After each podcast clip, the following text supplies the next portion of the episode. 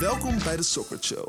Een podcast waar we interesse tonen in de alledaagse dingen die wij als mensen meemaken. Een show om je te laten zien dat iedereen een spannend en goed verhaal te vertellen heeft. We beginnen als gewoonlijk met een voorgelezen verhaal. We zullen daarna doorgaan en hierover een gesprek houden en onze ervaringen delen.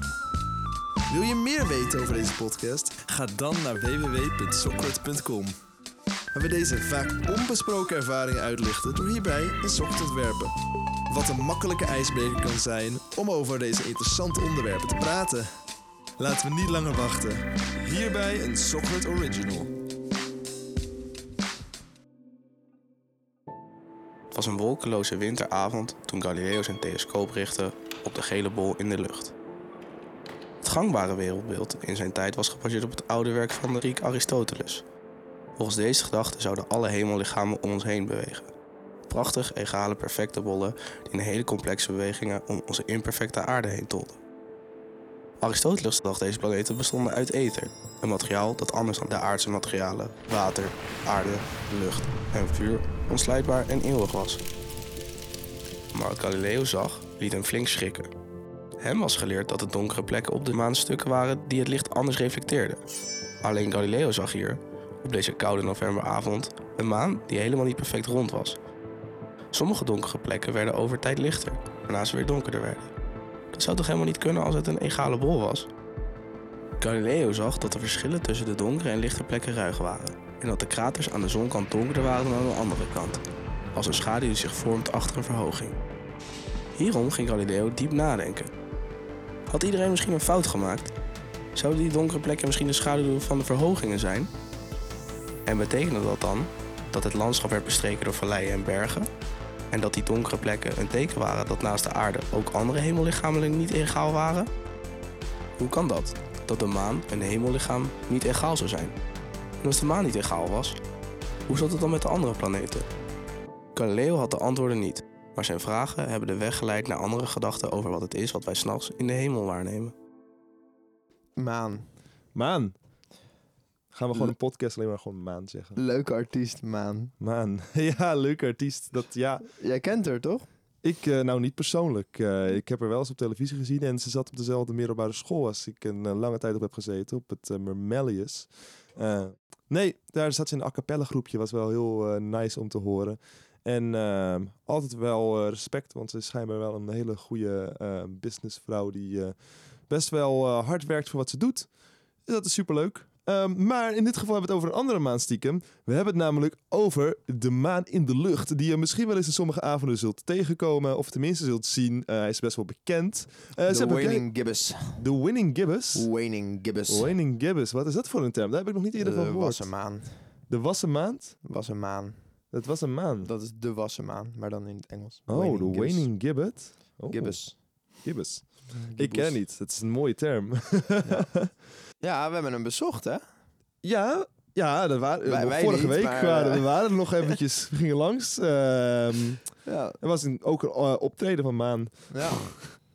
nee, maar uiteraard door de mensheid bezocht. Uh, een van de weinige planeten die um, dat privilege heeft. Is de maan geen planeet? Nee joh. Ik dacht dat het officieel ook een planeet was. Nee, de maan is een maan.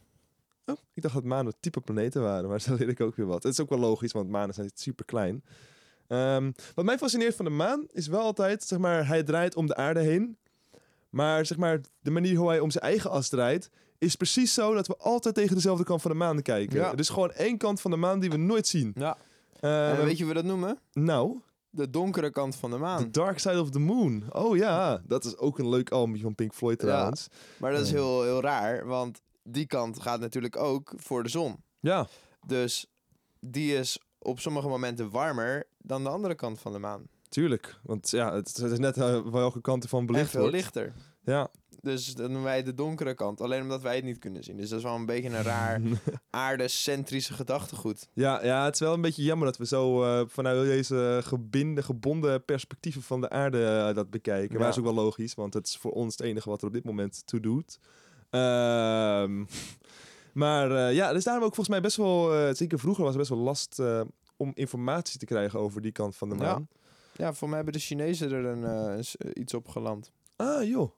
Maar tegenwoordig noemen ze het volgens mij vaker de far side of the moon. The Far Side, ja, dat hoor ik ook wel inderdaad. En het klinkt, het, het drinkt toch wel even lekker. Het spreekt even lekker, dus dat Ja. werkt ook wel. Ja, far, dark.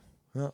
Maar ja, Pink Floyd heeft die, die term natuurlijk super toe- toegeëigend. Misschien is dat ook wel de reden dat ze nu ook The Far Side of the Moon gebruiken. Zodat mensen weten dat ze het over iets anders hebben dan het Pink Floyd Ja. album. Hmm. Ja.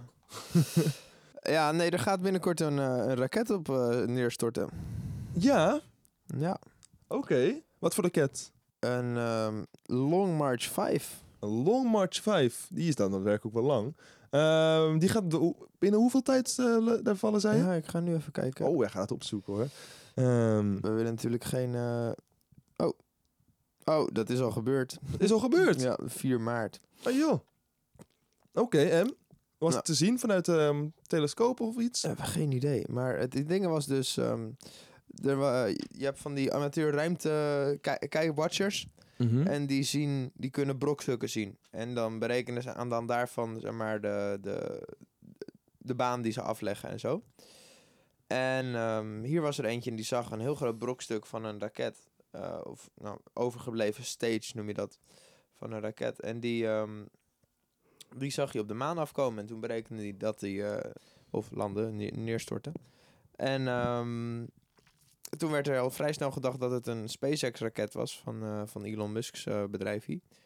Eh, maar dat is uiteindelijk ontkend. En toen ehm, werd er bekend dat het een Long March 5, denk ik, 5 raket is. De Long March, dat is Chinees, want die zijn vernoemd naar de, de lange mars die de Chinezen hebben gemaakt. De, de communistische groep, nadat zij samen waren gekomen en toen gingen ze lopen naar de hoofdstad. Oké, gaaf. Ja, dat eh, is interessant. Inderdaad, wij zijn er zelf ook geweest met onze goede maat Neil Armstrong. Die daar is geland. Eh, bekend ook wel van zijn goede trompetspel. En ook zijn goede fietscarrière trouwens, daarnaast. Nee, ehm, dat waren de Arnold Armstrongs. Maar die hebben daar volgens mij een nachtje, nachtje overnacht, toch? Ja, een paar. Een paar zelfs. Dat lijkt me, kijk, we, hadden, we hebben het bij een eerdere podcast hebben over gehad. Zou je wel naar eh, Mars toe willen? Liever niet, maar het zou me best wel cool lijken om gewoon een paar nachtjes op Mars eh, te blijven. Op de maan bedoel ik, ja, op de maan te blijven. Je hebt gelijk. Eh, dat lijkt me nou wel echt cool om mee te maken. Wordt snel saai, dus na een paar nachtjes zou ik het wel gezien hebben. Want wat, ga je eruit voeren? Een beetje rondhobbelen. Ja, het is wel leuk dat de lage zwaartekracht. Je ziet ook die video's, hadden ze destijds gemaakt. Dat ze nou echt aan het rondspringen, huppelen waren eigenlijk Mhm. daar. Het was trouwens op de, op de verkeerde kant van de maan. De, was die neergestort. neergestort. Oh, dus het is geen, niet gefilmd. Dus dat is zonde. Maar al die ronde dingen die we op de maan zien, dat zijn ook gewoon enorme kraters. Ja, klopt. En dat ze inderdaad van eh, kometen eh, zijn dat kraters. En omdat daar geen eh, winden en zo zijn, wordt dat niet eh, zo makkelijk als op aarde dat het, eh, dat het verdwijnt. Ja, dat erodeert inderdaad niet zo eh, snel. Hier ehm, wordt alles gewoon glad gestreken op de aarde. Ja. Maar dat heb je daar niet. Dat heb ik nog goed bij aardrijkskunde ook geleerd. Erosie. Ja, gaaf man. Ja. Maar wat denk jij? Is er leven op de maan? Vroeger, net voor die maanlandingen, toen we maar net echt helemaal met die ruimte bezig waren, dat, dat zat iedereen te twijfelen. Zijn er, is er leven op de maan? Zijn er maanmannetjes? Bestaat dit? Kan het? Ja, dat is toch zeker dat die er zijn. Ja, ik heb ze het meegemaakt. Nee, eh, maar zijn er, ze hadden volgens mij op een gegeven moment wel iets van eh, microben op de maan tegengekomen. Alleen ze zijn er ook snel achtergekomen dat het hoogstwaarschijnlijk dat die daar gekomen zijn door onze eigen ruimteraketten. Ja, ja. Die er aangekomen zijn. Ja, een beetje een vicieuze cirkel. ja. Ehm, nee, maar je hebt wel ijs op de polen. Ehm, dus wie weet eh, leeft daar wat. Maar ja, kijk, wij, wij zijn natuurlijk alleen maar ehm, koolstofwezens eh, kunnen wij bevatten als mens. We weten niet wat voor wezens er nog kunnen zijn. ja, klopt. Ehm, dus ja, het kan altijd, maar de, Nou, ik ben wel benieuwd wat dan bijvoorbeeld die microben en zeg maar die kleine wezens daar, hoe, hoe, daar, hoe die daar verder gaan leven. Want ze hebben inderdaad gewoon van die hele kleine wezens op de, ook op de aarde die echt in de meest extreme condities kunnen leven. Die, die hebben geen zonlicht nodig. Ja, beerdiertjes, inderdaad, geen zonlicht. Hebben geen hitte nodig. Ja. Ze hebben geen eh, zuurstof nodig, helemaal niks. Ehm, ik ben wel benieuwd, gaan die dan een eigen evolutie daar doen? Dus weet je, voor ons, eh, wij leven op een iets te korte termijn om dat mee te maken. Maar Mhm. stel over een miljoen jaar Mhm. misschien als de eh, leven op aarde niet eens meer is, leven er dan nog wezentjes op, ehm, op de maan? En zullen die zich verder ontwikkelen naar een nieuw levenssoort die, die gepast is voor op de maan te leven? Ja, ik denk dat dat moeilijk is hoor. Maar dat kan altijd. Ja? We gaan weer naar de maan hè, binnenkort. Gaan we binnenkort naar de maan? Ja, Oh, gezellig. Hoe dan? met de Artemis-missies. Oh, joh. Ja, nee, dat klopt. Ik had er ook inderdaad wat over gelezen. De hele interesse over de maan is weer een beetje terug. En ze denken, we gaan een Nou, vooral het geld voor NASA is weer een beetje terug. Ja? Dat is, dat is het voornaamste. Eh, maar ehm, ja, er zijn enorme plannen. En ze hebben nu drie, volgens mij, ehm, concepten. Hebben ze wat geld gegeven om zich uit te werken over hoe ze naar de maan gaan. Wel gaaf. Ja, ik ben benieuwd eh, wat we voor ons te vinden. Volgens mij weten we al wel wat over eh, de maan. Dus is er niet heel veel interessant, maar eh, het is toch Het leuk is om ook een mensen te goede hebben. slingshot, hè? Ja. Als je op de maan bent, heb je veel minder zwaartekracht. Eh, ja, dus dan is het, kan je veel makkelijker een raket vanaf daar eh, wegsturen. Klopt, als we daar een fabriekje weten te krijgen, dan is het top. En het is ook interessant. Stel, we komen de maan. Misschien zijn er wel mineralen die we daar vandaan kunnen halen. Eh, of spullen. Ja, Dat nu kunnen, denken we wel echt weer met die westerse eh, kunnen het uitbuiten. ja, uitbuitingsmindset. Ja. Nee, heerlijk. Maandje. Maar ehm, nee, ik ben heel benieuwd. Ik zag ook laatst ehm, binnenkort, of eh, recentelijk tenminste, ehm, eindelijk weer een maansteen ehm, uit quarantaine halen. Ze hadden een eh, maansteen hadden ze helemaal speciaal opgesloten had, en was niemand bijgekomen. En nu pas al een lange tijd gaat er weer, er weer zo'n sample ehm, Ja. naar buiten gebracht. Waarschijnlijk misschien ook om die reden, omdat we binnenkort toch weer naar de maan gaan en weer een nieuwe maansteen kunnen meenemen. En ik zie, ja, fuck it. Eh, ik bedoel, YOLO. Waarom halen we niet uit? Weet je wat ik het grappigste verhaal vind over een maansteen? Nou? Dus een Nederlandse eh, muse- Nationaal Museum heeft ooit van eh, Amerika een stukje maansteen gekregen. En ehm, dat is een van haar meest waardevolle eigendommen. En ehm, nu was het Rijksmuseum, we gingen kijken daarnaar en die lieten het uitzoeken door, door voor mij Universiteit Delft of zo. En ehm, Willem Drees, de minister-president, had het ooit aangenomen. En eh, toen bleek het gewoon een stukje hout te zijn. Dus eh, die, hebben, die Amerikanen hebben dat ooit aan Nederland gegeven. Ik weet niet waar het fout is gegaan. Maar ergens was er iemand die dacht, eh, ik geef gewoon een stukje hout. En dan doen we alsof het ehm, stukje hout ik wel. Je zou denken nog een stukje steen, maar nee, een stukje hout. nou, een stukje versteend hout.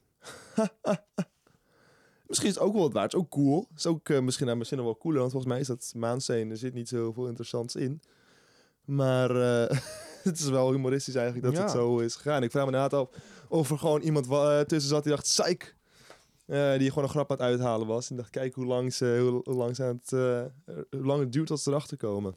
Ja, het was de, van de, de Vrije Universiteit van Amsterdam. Die vonden het uit. Oh, wauw. En eh, ik lees hier.